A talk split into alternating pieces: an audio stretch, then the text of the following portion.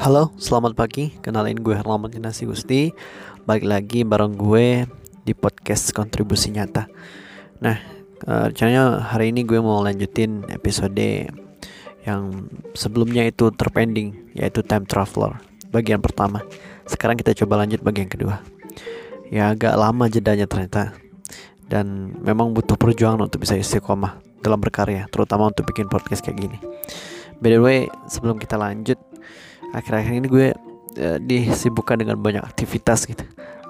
Setelah gue pulang kampung uh, yang sebelumnya gue di Padang uh, kerjaan di asrama dan sekarang udah di kampung lagi itu banyak kerjaan yang harus dikerjakan. Sehingga ya uh, sempat gue untuk bikin ke podcast. Dan pagi ini uh, gue coba uh, lanjutin lagi dan semoga ke depannya gue bisa benar-benar invest waktu buat bikin podcast kayak gini. Oke baik kita lanjut tentang time traveler yang mana kita menjadi seorang traveler ya.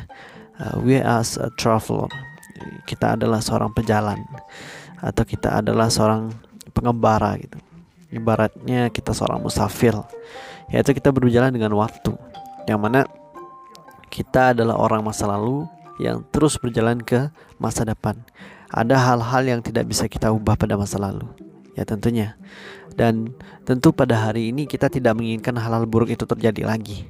Dan jika lelah ada hal-hal terbaik yang pernah kita rasakan di masa lalu Dan tentu di kemudian hari kita juga ingin merasakan kebaikan-kebaikan itu juga Ataupun kesenangan yang pernah kita rasakan di masa lalu.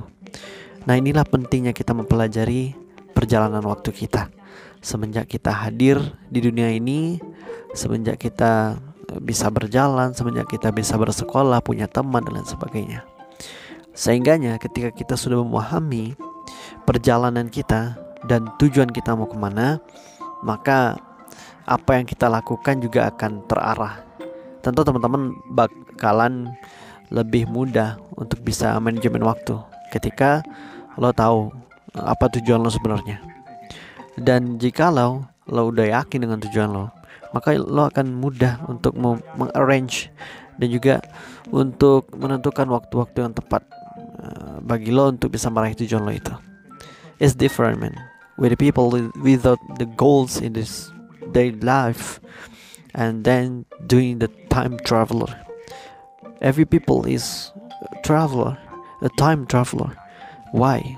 Because yeah waktu mereka terus berjalan. Termasuk juga kita lo dan gue waktu kita terus berjalan. Dan jangan sampai dalam perjalanan tersebut kita justru gunakan dengan hal yang tidak bermanfaat. Jangan sampai justru nanti di ujung jalan kita justru menjadi orang-orang yang kebingungan. We don't know where we want to go. We don't know the destination and we don't know what should what should I do. Jangan sampai kayak gitu. Jangan sampai kita menjadi orang kebingungan dan ujung-ujungnya menjadi orang yang menyesal. By the way untuk uh, tema time travel gue cukupin sampai di sini yang intinya kita itu semuanya adalah time traveler. Kita berjalan dari masa lalu ke, ke masa depan. Tentu banyak hal yang setelah kita alami sehingga membuat kita bisa seperti ini hari ini.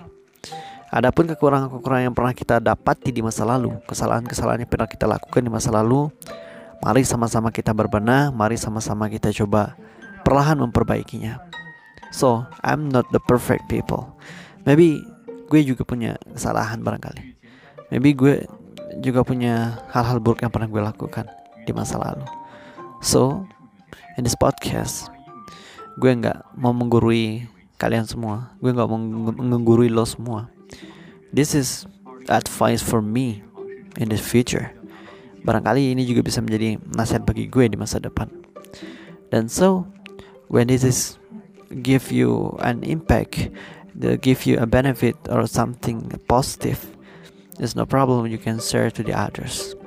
Thank you for listening and see you in next podcast.